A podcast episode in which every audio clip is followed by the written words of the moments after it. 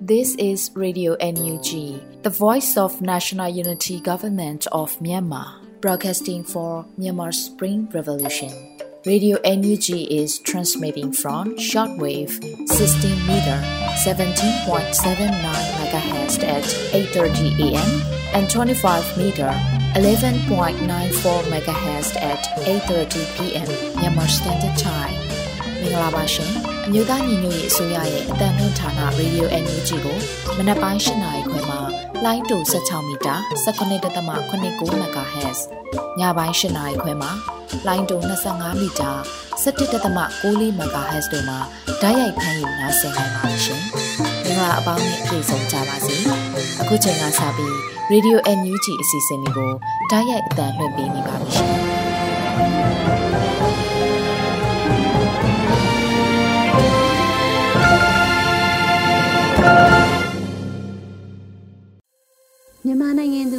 သားအပေါင်းတဘာဝပြီးစစ်အာဏာရှင်ဘေးတို့ကနေကင်းဝေးပြီးဘေးကင်းလုံခြုံကျန်းမာကြပါစေလို့ရေဒီယိုအန်ယူဂျီအဖွဲ့သားများကဆုတောင်းမေတ္တာပို့သလိုက်ရပါတယ်ရှင်ပထမဆုံးအနေနဲ့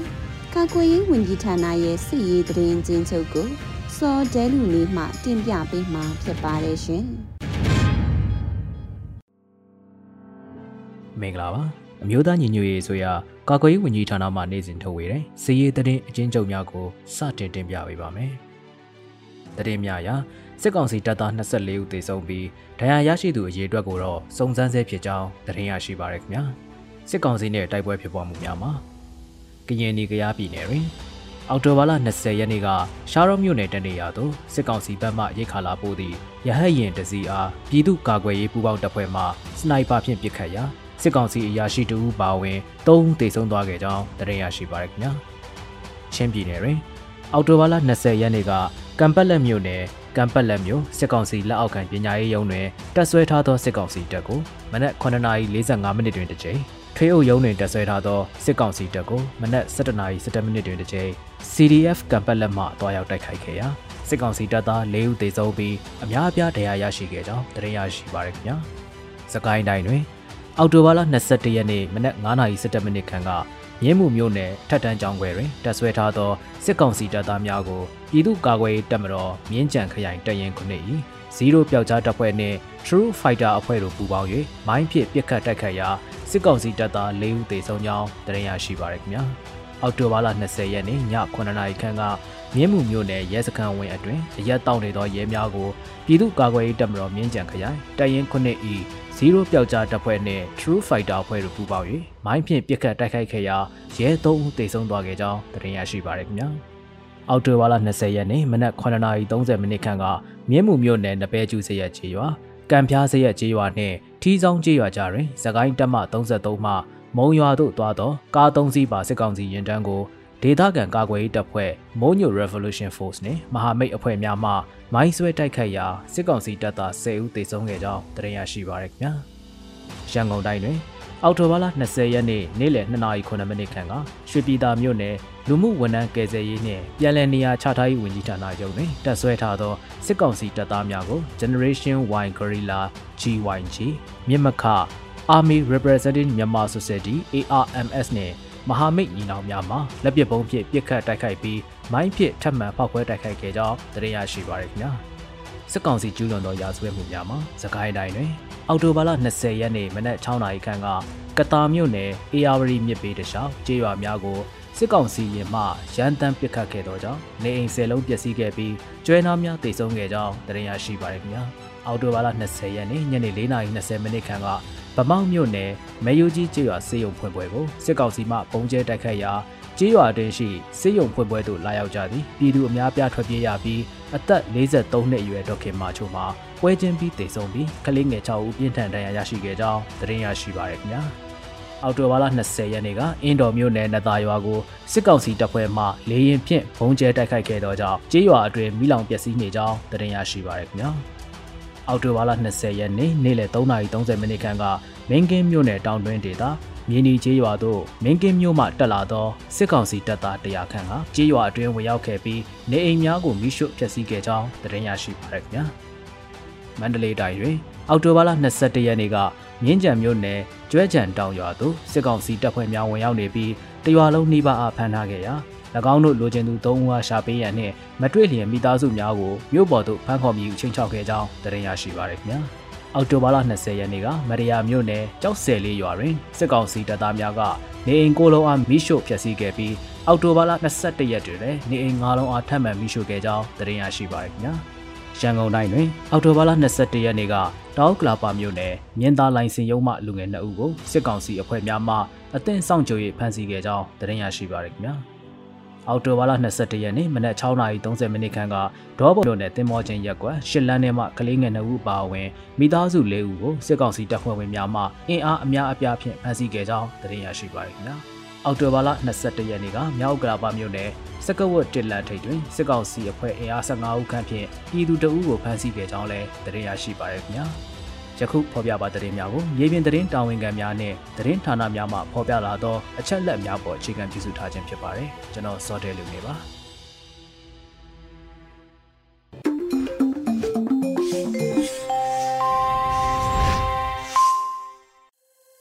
ဆက်လက်ပြီး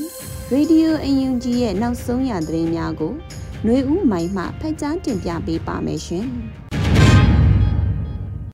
မင်္ဂလာမနေ့ခင်ပါရှင်။ အခုချိန်ကစပြီး Radio UNG ရဲ့မနခင်သတင်းများကိုတင်ပြပေးပါတော့မယ်ကျမຫນွေဦးမိုင်းပါအမျိုးသားညီညွတ်ရေးအစိုးရဂျာကာလဒေသန္တရပြည်သူ့အုပ်ချုပ်ရေးဖော်ဆောင်မှုဗဟိုကော်မတီနဲ့တိုးချက်ပြည်သူ့အုပ်ချုပ်ရေးအဖွဲ့များတွဲဆုံတဲ့သတင်းကိုဦးစွာတင်ပြပေးပါမယ်အမျိုးသားညီညွတ်ရေးအစိုးရဂျာကာလဒေသန္တရပြည်သူ့အုပ်ချုပ်ရေးဖော်ဆောင်မှုဗဟိုကော်မတီနဲ့တိုးချက်ပြည်သူ့အုပ်ချုပ်ရေးအဖွဲ့များတွဲဆုံခဲ့ပါတယ်အမျိုးသားညီညွတ်ရေးအစိုးရ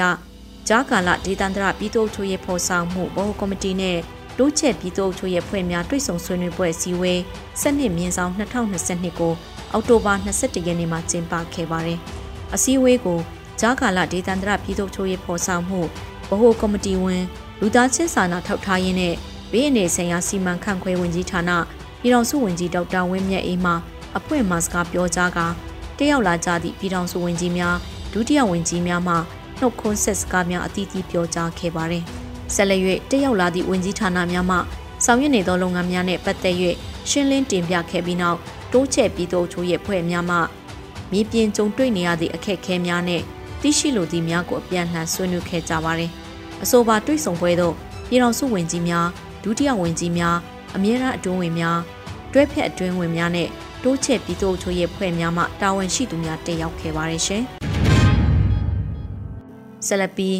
UNG ဝန်ကြီးဒေါက်တာလျံမှုစာခေါင်တောင်ကိုရီးယားနိုင်ငံဆိုလ်တက္ကသိုလ်မြန်မာအရေးနိုင်ငံတကာဆွေးနွေးပွဲသို့တက်ရောက်တဲ့သတင်းကိုတင်ပြပေးပါမယ်။ UNG ဝန်ကြီးဒေါက်တာလျံမှုစာခေါင်တောင်ကိုရီးယားနိုင်ငံဆိုလ်တက္ကသိုလ်မြန်မာအရေးနိုင်ငံတကာဆွေးနွေးပွဲသို့တက်ရောက်ခဲ့ပါတယ်။ UNG အစိုးရ၏ဖက်ဒရယ်ပြည်ထောင်စုရေးရာဝန်ကြီးဒေါက်တာလျံမှုစာခေါင်တောင်ကိုရီးယားနိုင်ငံဆိုလ်တက္ကသိုလ်အာရှလေလာရေးစင်တာအရှိတောင်အာရှဌာနခွဲမှ Spring Revolution and Myanmar's Long Road Toward National Unity ခေါင်းစဉ်ဖြင့်ကျင်းပသောမြန်မာအရေးနိုင်ငံတကာဆွေးနွေးပွဲသို့တက်ရောက်ခဲ့ပါတယ်။အဆိုပါပွဲသို့နိုင်ငံတကာနဲ့ကိုရီးယားပြည်တွင်းမှမြန်မာအရေးအထူးပြုလေ့လာသူပညာရှင်များလည်းတက်ရောက်ကြပြီးမြန်မာနိုင်ငံ၏လက်ရှိအခြေအနေနဲ့အနာဂတ်အလားအလာကိုရှုထောင့်ပေါင်းစုံမှလေ့လာသုံးသပ်ဆွေးနွေးအကြံပြုတင်ပြခဲ့ကြပါတယ်။ UNG ၏ပြည်ထောင်စုဝန်ကြီးအနေဖြင့်မြန်မာနိုင်ငံလွတ်လပ်ရေးရသည့်အချိန်မှစ၍ယနေ့အချိန်ထိဖြစ်ပွားနေသည့်နှစ်ပေါင်း80ကြာ လက်နက်ကင်ပြိပခါရဲ့အကြောင်းရင်းများဖက်ဒရယ်စနစ်သည်မိသည့်အတွက်ကြောင့်ဒိန်းသားပေါင်းစုံနေထိုင်သည့်မြန်မာနိုင်ငံအတွက်လူအပ်သည့်နီးစသည်တို့အပြင်လက်ရှိအမျိုးသားညီညွတ်ရေးဆိုရ NUG အမျိုးသားညီညွတ်ရေးအတိုင်ပင်ခံကောင်စီ NUCC တို့၏နိုင်ငံရေးမျှော်ရည်မှန်းချက်များကိုတင်ပြခဲ့ပြီးတက်ရောက်လာသူများမှမေးမြန်းလာသည်များကိုလည်းပြန်လည်ဖြေကြားပေးခဲ့ပါတယ်။ထိုဆွေးနွေးပွဲဖွင့်ပွဲတွင်အမျိုးသားညီညွတ်ရေးဆိုရ NUG ၏ နိုင်ငံခြားရေးဝန်ကြီးဒေါ်စင်မအောင်ကအဖွဲ့မိန်ခွန်းကိုရုပ်သံဖိုင်နဲ့ပေးဖို့ပြောကြားခဲ့ပြီးတောင်ကိုရီးယားနိုင်ငံနိုင်ငံခြားရေးဝန်ကြီးဌာနမှဒုဝန်ကြီး Public Diplomacy Ambassador Mr. Lee Sang-hwa မြန်မာနိုင်ငံဆိုင်ရာကိုရီးယားတန်အမတ်ဟောင်းလည်းတက်ရောက်ပြီးအမှားစကားပြောကြားပေးခဲ့ပြီး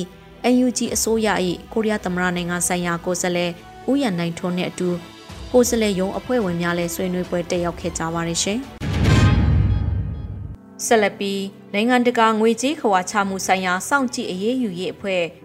FATF ကမြန်မာကိုနာမည်ပြက်စည်ရင်သွင်း၍အရေးယူလိုက်တဲ့သတင်းကိုတင်ပြပေးပါမယ်။နိုင်ငံတကာငွေကြေးခဝါချမှုဆိုင်ရာစောင့်ကြည့်အရေးယူရေးအဖွဲ့ FATF ကမြန်မာကို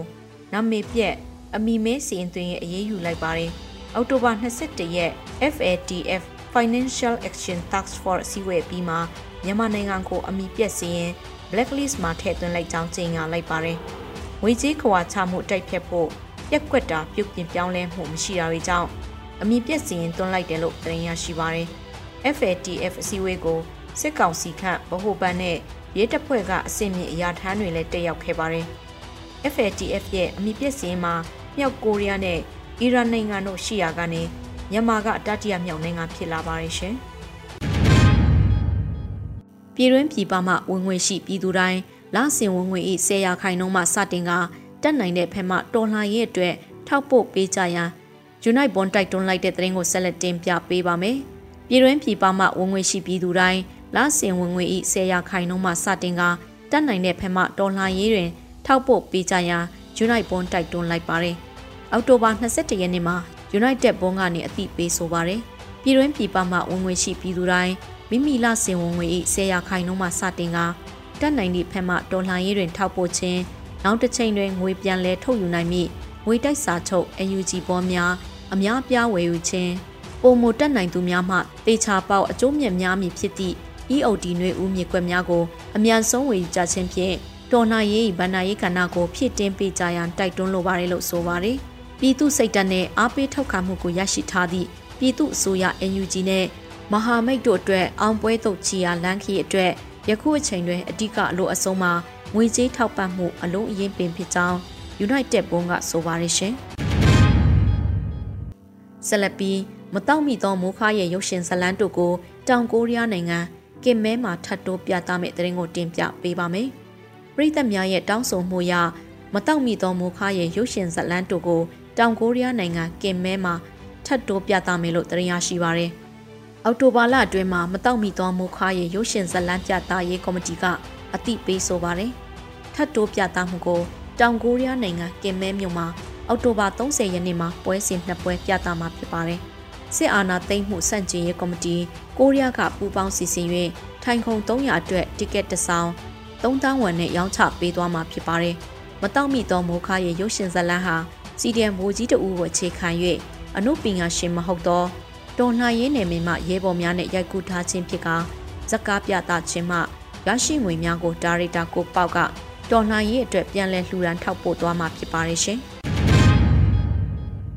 ကော့ဂရိတ်ရေစခန်းအချုပ်ထောင်ကိုဖွင့်လိုက်နိုင်ပြီလို့ကြားဖြူတက်ခွဲတဲ့ဆိုလိုက်တဲ့သတင်းကိုဆက်လက်တင်ပြပေးပါမယ်။ကရင်ပြည်နယ်ကော့ဂရိတ်ရေစခန်းအချုပ်ထောင်ကိုဖွင့်လိုက်နိုင်ပြီလို့ကြားဖြူတက်ခွဲတစ်ကဆိုပါတယ်။အောက်တိုဘာ22ရက်မွန်းလွဲပိုင်းမှာကြားဖြူတက်ခွဲတစ်ကဆိုပါတယ် ကြားဖြူစစ်ကြောင်းနဲ့ကိုတူးလေအာမီမှ Lion Battalion KNLA ပူးပေါင်းတပ်နဂဖြူစစ်ကြောင်း Eagle Brigades Federal Wing အစရှိတဲ့ပူးပေါင်းတပ်ဖွဲ့များကရင်ပြည်နယ်ကုတ်ကရိတ်မှာမြို့သိမ်းတိုက်ပွဲစတင်ဆင်နွှဲနေပါပြီ။မနေ့9နာရီကပါလက်ရှိမှာမြို့ပတ်ပတ်လက်ကို KNLA နဲ့ပူးပေါင်းအဖွဲ့ကဝိုင်းထားပြီးလုံခြုံရေးလှည့်ကင်းနဲ့လှည့်နေပြီဖြစ်ပါတယ်။နောက်ဆုံး update ကကုတ်ကရိတ်ထောင်ကိုလည်းဖွင့်လိုက်နိုင်ပြီဖြစ်ပါတယ်။အားလုံးလည်းလွတ်သွားကြပြီး ပူးပေါင်းတိုက်ပွဲဝင်နေကြပါတယ်လို့ဆိုပါတယ်။အကြမ်းဖက်စစ်ကောင်စီဘက်ကအထိနာနေလို့ရန်ကုန်မှော်ပြီးလေတက်ကလေရင်နှစ်စင်းနဲ့ပြစ်ကူတာနဲ့ဘုံကျဲတာတွေလုပ်နေတယ်လို့ဆိုပါတယ်။ရိတ်ခါနဲ့လက်နက်ခဲယမ်းပြန်လည်ဖြစ်တင်းဖို့လိုအပ်ချက်တွေရှိနေသေးတာကြောင့်ပြည်သူများကလည်းဝိုင်းဝန်းကူညီကြဖို့တိုက်တွန်းလိုပါတယ်လို့ဆိုပါတယ်ရှင်။ဆလပီဖေခုံမှာနန်းစီဒီယံဝန်ထမ်းများ35ဦးခံဝင်ကတိဖြစ်ထက်မှအလင်းဝင်လာတဲ့တဲ့ရင်ကိုတင်ပြပေးပါမယ်။ ဖဲခုံမှာနန်းစီဒီယဝန်ထမ်းများ35ဦးခံဝင်ကတိဖြစ်ထက်မှအလင်းဝင်လာတယ်လို့သတင်းရရှိပါရယ်။အောက်တိုဘာ22ရက်မှာဖဲခုံမြို့နယ်ပြည်သူ့အုပ်ချုပ်ရေးအဖွဲ့ကတည်ပြုဆိုပါရယ်။နန်းစီဒီယဝန်ထမ်းများတရားမဝင်အာဏာသိမ်းစစ်ကောင်စီလက်အောက်တွင်ဆက်လက်တာဝန်ထမ်းဆောင်ခြင်းမပြုလုပ်ဘဲရာထူးတာဝန်များမှနှုတ်ထွက်အလင်းဝင်ကြရန်ဖေခုံမြို့နယ်ပြည်သူ့အုပ်ချုပ်ရေးအဖွဲ့မြို့နယ်ပညာရေးဘုတ်အဖွဲ့ PK PDF တက်ရင်1 PK PDF တက်ရင်2 မိုးပြဲပြည်သူ့ကာကွယ်ရေးတပ်ဖွဲ့တပ်ရင်း1မိုးပြဲပြည်သူ့ကာကွယ်ရေးတပ်ဖွဲ့တပ်ရင်း2 KNDF B03 နဲ့ KNDF B011 တို့ပူးပေါင်းကြေညာခဲ့ပြီးနောက်ယနေ့အချိန်ထိဝန်ထမ်း35ဦးခန့်ဝင်ကလေးဖြစ်ထက်မှအလင်းဝင်လာခဲ့တယ်လို့ဆိုပါတယ်။အများစုအလင်းဝင်လာတဲ့ဝန်ထမ်းများမှာပင်ငါရင်းနဲ့ကျန်းမာရေးပါဝင်မိသက်ဝန်ထမ်းများလည်းပါဝင်ပါတယ်ရှင်။ ဆက်လက်ပြီးရမပင်မြို့နယ်ရွှေလှန်ကျေးရွာကိုအကြမ်းဖက်စစ်တပ်ကဝင်ရောက်စီးနင်းရမှာကာကွယ်တပ်ဖွဲ့ဝင်10ဦးပါတပ်ဖြတ်ခံရတဲ့တဲ့ရင်ကိုတင်ပြပေးပါမယ်။ရမပင်မြို့နယ်ရွှေလှန်ကျေးရွာကိုအကြမ်းဖက်စစ်တပ်ကဝင်ရောက်စီးနင်းရမှာကာကွယ်တပ်ဖွဲ့ဝင်10ဦးပါတပ်ဖြတ်ခံခဲ့ရပါတယ်။အောက်တိုဘာ22ရက်နနက်ခင်းတွင်ရင်ပေါင်တိုင်းကျေးရွာတွင်တပ်ဆွဲခဲ့သောအကြမ်းဖက်စစ်တပ်ကရွှေလှန်ကျေးရွာကိုဝင်ရောက်စီးနင်းခဲ့ကတောင်းကျမ်းခဲ့တယ်လို့ဒေသခံသတိရင်းမြများကဆိုပါတယ်။ အောက်တိုဘာ22ရက်နေ့နက်ခင်းတွင်ရင်ပေါင်တိုင်းကျေးရွာတွင်တက်ဆွဲခဲ့သောအကြမ်းဖက်စစ်တပ်ကရွှေလန်းကျေးရွာကိုဝင်ရောက်စီးနင်းခဲ့ပြီးဒေသခံကာကွယ်တပ်ဖွဲ့ဝင်10ဦးကိုတပ်ဖြတ်ခဲ့ကမိရှုခဲ့ပါတယ်လို့ဆိုပါတယ်။အောက်တိုဘာ22ရက်ညနေပိုင်းမှာနေအိမ်များတဲ့ရုပ်အလောင်းများကိုမိရှုခဲ့ပြီး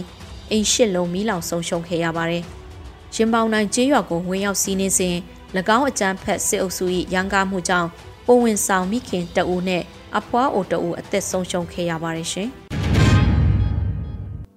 ဆက်လက်ပြီးပြည်သူ့ကာကွယ်ရေးအဖွဲ့ပကဖနေပြည်တော်ထုတ်လုပ်ရေးစခန်းတွင်ပောက်ခွဲမှုအသေးစားဖြစ်ပွား၍ရဲဘော်၃ဦးထိခိုက်ဒဏ်ရာရရှိတဲ့တဲ့ရင်ကိုတင်ပြပေးပါမယ်။ပြည်သူ့ကာကွယ်ရေးအဖွဲ့ပကဖနေပြည်တော်ထုတ်လုပ်ရေးစခန်းတွင်ပောက်ကွဲမှုအသေးစားဖြစ်ပွား၍ရဲဘော်၃ဦးထိခိုက်ဒဏ်ရာရရှိခဲ့ပါတယ်။အောက်တိုဘာ22ရက်မှာနေပြည်တော်ပကဖကအတိပေးဆိုပါရယ် ပြည်သူ့ကာကွယ်ရေးအဖွဲ့ပကဖနေပြည်တော်ထုတ်လုပ်ရေးစခန်းမှာပောက်ကွဲမှုအသေးစားဖြစ်ပွား၍ရဲဘော်၃ဦးထိခိုက်ဒဏ်ရာရရှိခဲ့ပါတယ်။အသက်အန္တရာယ်မစိုးရိမ်ရပါလို့ဆိုပါရယ်။ကာကွယ်တပ်ဖွဲ့များဟာမိုင်းနဲ့လက်နက်ခဲယမ်းများထုတ်လုပ်ရမှာမကြာခဏမတော်တဆမှုတို့ဖြစ်ပွား၍ကိုလက်အင်္ကာများထိခိုက်ဒဏ်ရာရရှိပါတယ်။လက်လုံလက်နက်ကြီးများထုတ်လုပ်ရရင်ပြောင်းကိုကြောက်တိုက်၍လုံဆောင်ရသဖြင့်၎င်းလက်နက်ကြီးစမ်းသပ်ပစ်ခတ်ရမှာအကြောင်းမှပောက်ကွဲသောကြောင့် အများစုထိခိုက်ရတတ်တယ်လို့လည်းလက်နက်ကျွမ်းကျင်ပညာရှင်ချို့ကသုံးသပ်ပါတယ်ရှင်။အခုတင်ပြပေးခဲ့တဲ့သတင်းတွေကိုတော့ Radio UNG သတင်းထောက်မင်းမင်းကပေးပို့ထားတာဖြစ်ပါတယ်ရှင်။အမျိုးသားညီညွတ်ရေးအစိုးရကာကွယ်ရေးဝန်ကြီးဌာနမှထုတ်ပြန်ထားတဲ့ပြည်သူ့ကာကွယ်ရေးတပ်မတော်တပ်ဖွဲ့ဝင်တွေရဲ့မြေပြင်လှုပ်ရှားမှုသတင်းတွေနဲ့ပတ်သက်ပြီး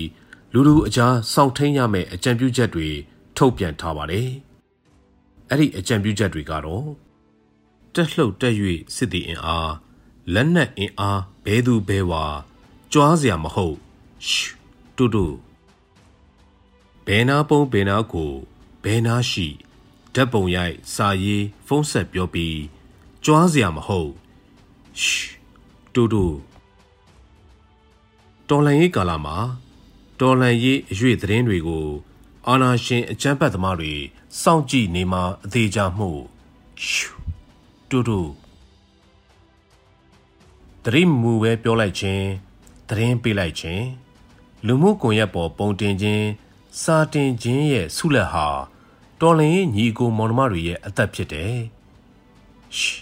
တူတူတင်ကပြောပြီးမေးသွားတာ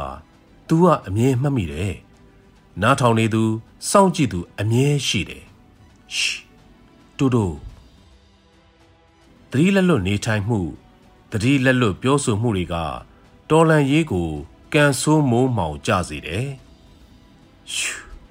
တူတူကြော်စောဖို့တတ်တတ်စိတ်ဖြေဖို့တတ်တတ်လူသည်များဖို့တတ်တတ်နဲ့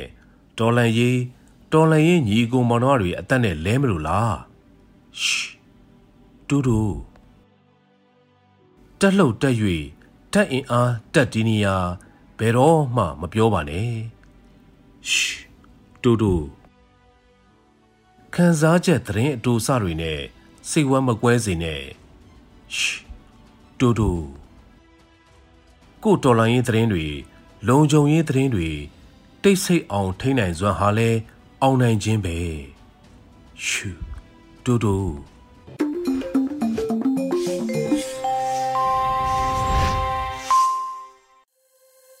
ရေဒီယိုအန်ယူဂျီမှဆက်လက်တမ်းလှည့်နေပါတယ်။အခုတပံပြည်သူခုခံတော်လှန်စစ်တရင်များကိုမင်းနိုင်တွေဦးမှတင်ပြပေးမှာဖြစ်ပါတယ်ရှင်။ပထမဦးစွာကောက်ကရိတ်မှာမာမိတ်ပူးပေါင်းဖွဲ့နဲ့စကားစတွေတိုက်ပွဲပြင်းထန်နေတဲ့တရင်တင်ဆက်ပါမယ်။ကရင်ပြည်နယ်ကောက်ကရိတ်မှာဒီကနေ့အောက်တိုဘာလ22ရက်မနက်ပိုင်းမြို့ရင်းတိုက်ပွဲတွေဖြစ်ပွားနေတယ်လို့ဒေသခံတွေကဆိုပါတယ် လက်ရှိအချိန်မှာစစ်ကောင်စီကမြို့ရင်းကိုလက်နက်ကြီးတွေနဲ့ပစ်ခတ်နေပြီးပြည်သူထိခိုက်ဒေဆုံးမှုရှိတယ်လို့သိရပါတယ်ကောင်းဝေးမြို့ပေါ်ကိုတိုက်လျင်တွေဝဲနေပြီး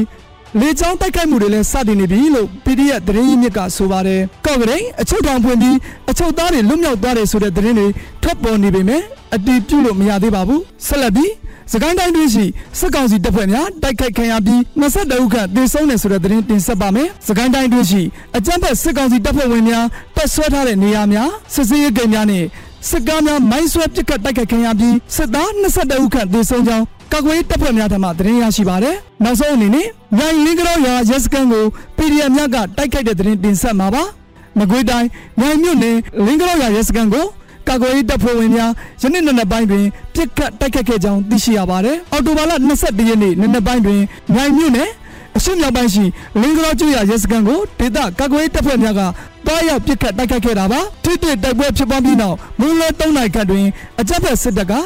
MI35 ရရင်နှစ်စီးဖြင့်မိနစ်20ခန့်လာရောက်ပြစ်ခတ်ခဲ့ကြောင်းသိရှိရပါတယ်ခင်ဗျာ။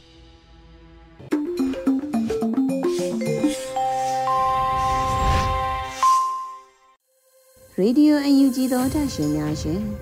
PVTV ရဲ့နေ့စဉ်သတင်းများကိုမျိုးတော်ရာမှဖက်ကြားတင်ပြပေးပါမယ်ရှင်။အခုချိန်ကစပြီး PVTV သတင်းတွေကိုတင်ဆက်ပေးတော့မှာပါ။ကျွန်မမျိုးတော်ရာပါ။ ပထမဆုံးတင်ဆက်မဲ့သတင်းကတော့လူသားချင်းစာနာထောက်ထားမှုအထောက်ပံ့တွေစစ်ပေးရှောင်ဒေသတွေစီတိုက်ရိုက်လှူဒန်းနေတယ်လို့စိုးမျိုးတော်ဝင်ကဖက်ဒရယ်ပြည်ထောင်စုဝန်ကြီးဒေါက်တာလင်မုံစခန်းကိုပြောကြားလိုက်တဲ့သတင်းမှာလူသားချင်းစာနာထောက်ထားမှုအထောက်အပံ့တွေစစ်ပေးရှောင်ဒေသရေစီကိုတိုက်ရိုက်လှူဒန်းနေပြီးမြန်မာចောင်းသားများအတွက်နည်းပညာအထောက်အကူပြုပစ္စည်းတွေထောက်ပံ့ကူညီနိုင်ရေးနဲ့အွန်လိုင်းပညာရေးစနစ်တိုးတက်ဖွံ့ဖြိုးရေးအတွက် ဗတ်ပေါင်းဆောင်ကကူညီမယ်လို့ကိုရီးယားဆိုးလ်မျိုးတော်ဝင်မစ္စတာဂျိုဟီယွန်ကအောက်တိုဘာလ19ရက်ကအမျိုးသားမျိုးရေးအစိုးရဖက်ဒရယ်ပြည်ထောင်စုဝန်ကြီးဒေါက်တာလျံမုံစကောင်းနဲ့တွေ့ဆုံရမှာပြောကြားလိုက်ပါတယ်။အမျိုးသားမျိုးရေးအစိုးရဟာအခက်အခဲတွေကြားက မြန်မာလူငယ်တွေရဲ့အနာဂတ်အတွက်စ조사အားထုတ်နေမှုတွေကိုကြားသိရတဲ့အတွက်ဝမ်းမြောက်ပြီး NUG ကဖွင့်လှစ်ထားတဲ့ចောင်းသားတွေတာမက refugee camp တွေမှာရောက်ရှိနေတဲ့ဒုက္ခသည်ចောင်းသားလူငယ်များတွေအတွက်ပါလိုအပ်တဲ့နည်းပညာအထောက်အကူပြုပစ္စည်းတွေထောက်ပံ့ကူညီနိုင်ရေးအတွက်အများဆုံးနည်းလမ်းများရှာဖွေသွားမှာဖြစ်သလိုအွန်လိုင်းပညာရေးစနစ်တိုးတက်ဖွံ့ဖြိုးရေးအတွက်လည်း ပတ်ပေါင်းဆောင်ကကူညီသွားမယ်လို့စိုးမြို့ပညာဝင်ကပြောကြားခဲ့ပါတယ်။မြန်မာနိုင်ငံရေးအခြေအနေတွေကိုမျက်ခြေမပြတ်လေ့လာနေတဲ့အတွက် အလုံးကိုသိရှိနားလည်စာနာမိပြီးလူသားချင်းစာနာထောက်ထားမှုအထောက်အပံ့တွေကိုစင်ဆက်မပြတ်စစ်ပေးရှောင်ဒေသတွေစီတိုက်ရိုက်လှူဒန်းထောက်ပံ့နေကြောင်းနဲ့မြန်မာចောင်းသားလူငယ်တွေကိုအကူအညီပေးနိုင်မဲ့နီလန်းတွေကိုအမြဲရှာဖွေစဉ်းစားလျက်နေတယ်လို့စောမြို့တော်ပညာဝင်ကပြောကြားခဲ့ပါတယ်။ဒါပြင်ကိုရီးယားပညာရေးအဖွဲ့အစည်းတွေမြန်မာနိုင်ငံရေးစိတ်ဝင်စားကြတဲ့ကိုရီးယားအစိုးရပိုင်းကတာဝန်ရှိသူတွေ NUG အစိုးရအဖွဲ့ကပညာရေးတာဝန်ခံတွေကိုနဝတရန်ချိတ်ဆက်ပြီးကိုရီးယား NUG ကိုယ်စားလှယ်ရုံးကတဆင့်ဆက်လက်အကောင့်ထဲပေါ်ဆောင်ရွက်သွားကြဖို့သဘောတူညှိနှိုင်းမှုတွေကိုရရှိခဲ့တယ်လို့ Federal ပြည်ထောင်စုဝန်ကြီးကဖော်ပြထားပါတယ်။ကျေးဇူးတင်ပါတယ်ရှင်။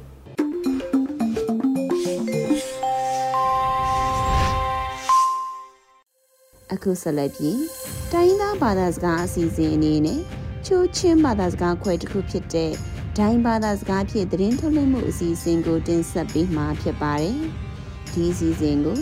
Radio UNG နဲ့ချိုးချင်းဘာသာစကားထုတ်လွှင့်မှုအစီအစဉ်အဖွဲ့တို့ပူးပေါင်းထုတ်လွှင့်တာဖြစ်ပါတယ်ရှင်။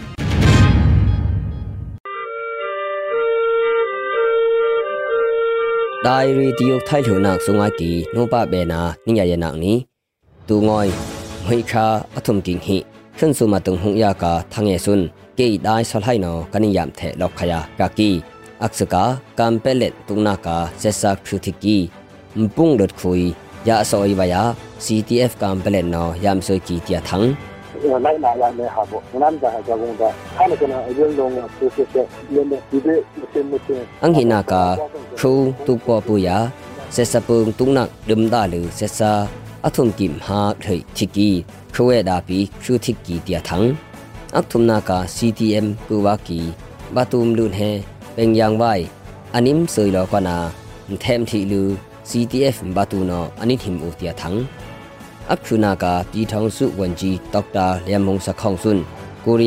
อักสึกวสิตกีเตียทังเอเนี่ยงายขยกักกินี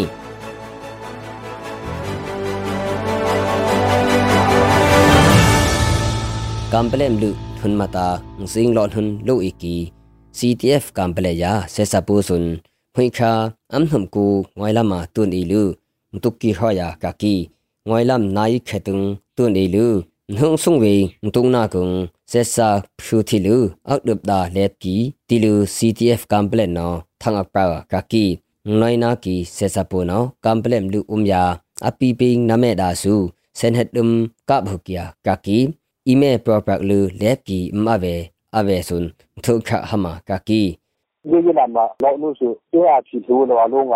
လူရင်ကဟလာဒီချီခိုင်မဟုတ်တဲ့အဲ့လိုလုပ်ဆိုလေဒါရေပြင်းစထွက်လို့လေရေမတော်အမဟုတ်ဒီကခင်ဆက်လက်လောထွက်လုံးတာမတော်အမဆက်လက်အုံးကခါကျလေဒီတူဟန်နီမှာဒီတူကကွယ်တပ်ဖွဲ့တလောထုတ်ပြန်လိုက်လာရမယ်ဟာပေါ့မနမ်းကြဟကကုန်းတာခါနကနအရင်လုံးက professional လည်းဒီဒီစင်မချင်း အတော့ဆောက်ကွာဆန်ကလေးဘုံကိုတင်ဘဒါဆိုးလေဒီတာစီလိုက်တကခါတဲ့ချိုးတင်လို့အတင်းစင်းတပီဟာတဲ့တပင်းသူဆက်စပိုနော်ကမ်ပလေယာဂျင်းတွိမ်လူအားဆန်ဟက်ခါသာခါနာခူလူအမ်ဒမ်လောဖုတုနဒမ်လောက်ခိုင်ကမ်ပလမ်လူပီပင်းနမဲနော်ဘုံလတ်ခွီနနီအစောအိဝိုင်တီလူ CTF ကမ်ပလက်နော်ယမ်ဆိုကီယာကကီ CNA CNF ယာ CTF နော် အနိယတုကဖုမွိခါဟလိကထုမ်ယာဟလိကခေတန်လာကုံဆက်စာအထုမ်ကိမဟောက်ထွေတီလူအကလမ်ဒမ်ဒါခိုင်တီလူ CNF နော်မွိခါဟလိကောမ်နှုပုန်သံအနိကပရာကကီဟာခါသန်တလန်လာမုံဆက်စပူယာခူဒုပပူဆွန်မွိခါဟလိကထုမုံတွန်အီလူဟလိကောဆုတုကိဟယာကကိနီအဆူဝါဆက်စာအထုံကိမဟာသီလူမကုတ်ထိလက်ကီ CNE ထုံ CTF ဟာခမတ်တိ ကုဆွေနာကာမလက်ကီတီလူထငုံဟွာကကီဆက်စပူနောခနာခုပီယာတုကီတီလူအနိပနာကကီနီဆက်စပူဆွန် CNA CGTC CTF ထန်တလန်ဆိုဖီလောက်တူမရာယာဟာခနောဒွန်ဥလူအနိတုကာကကီ CTM ကဝကီဘတူပင်ယံဝိုင်ပူတင်လွေဆွန်ဆက်စပူဒါကုအန်ပွိဝယာအနိမ်ဆွေလောကနာအမ်သမ်တီလူ mai kha halik khum no bung anin him ni tilu CTF batu no thang apra ka ki pengyang wai putin lui sun no CTM e yam kum phit ki se sa pu e da salang ya pe ki CTM e khak i sun se sa phum pu mu wo na nga de ngi ni lu ani lo ai asun ang sing te phu ai ba hima ka ki tilu CTF batua thangong hwa ka ki putin lui sun msoina ka sa thumbe pet prang ngong pi msoi asun the am thi aphu sun ko na ayam kum shun be aphu thima ka ki tilu CDF batu no apena ka ki NUG Federal Year ပြည်ထောင်စုဝန်ကြီးဒေါက်တာလျံမုံစခေါင်စွန်းဝိခါဟလိခေတုံကိုရီးယားပေယာဖဝိုက်ကီယာကကီပြည်ထောင်စုဝန်ကြီးစွန်းအာရှစင်တာ Seoul National University ဝိခမ်ကိုရမတုံ အနီပေါ်ဝယာပေအဘုံယာမြန်မာဖက်ဒရယ်ဒီမိုကရေစီထုနာကာခူအေဥလူစစ်ကီယာကကီဝန်ကြီးစွန်းကိုရီးယားပေယာခွန်းစုမတ်ဝေခိုင်ကိုရီးယားဘော်ယာအခစေ NGO ယံဟောက်ခိုင်တီလူ NUG ကိုရီးယားကိုစလေဦးရနိုင်ထွန်နော် MPA အမ်ထေကကီဒေါက်တာလျန်မုံစခေါင်ဟင် NUG အဝဲလောကနာကိုရီး ယားပေယာအခစုဝစစ်ကီဝန်ဂျီမတာကကီနီဇုံငိုင်ကီနိုဘဘေနာနင်းရရနောင်နီလောဘေတူကီခွန်းစုံလ ோம் နှုတ်တူတီယာနင်းခုမ်ဘေတူကောမူ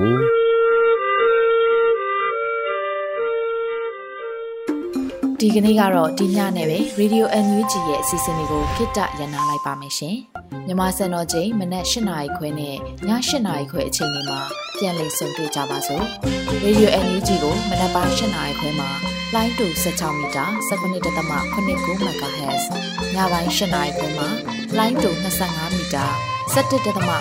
MHz တို့မှာဓာတ်ရိုက်ဖမ်းလို့နိုင်စေနိုင်ပါပြီ။မြန်မာနိုင်ငံသူနိုင်ငံသားတွေကိုစိတ်နှပြ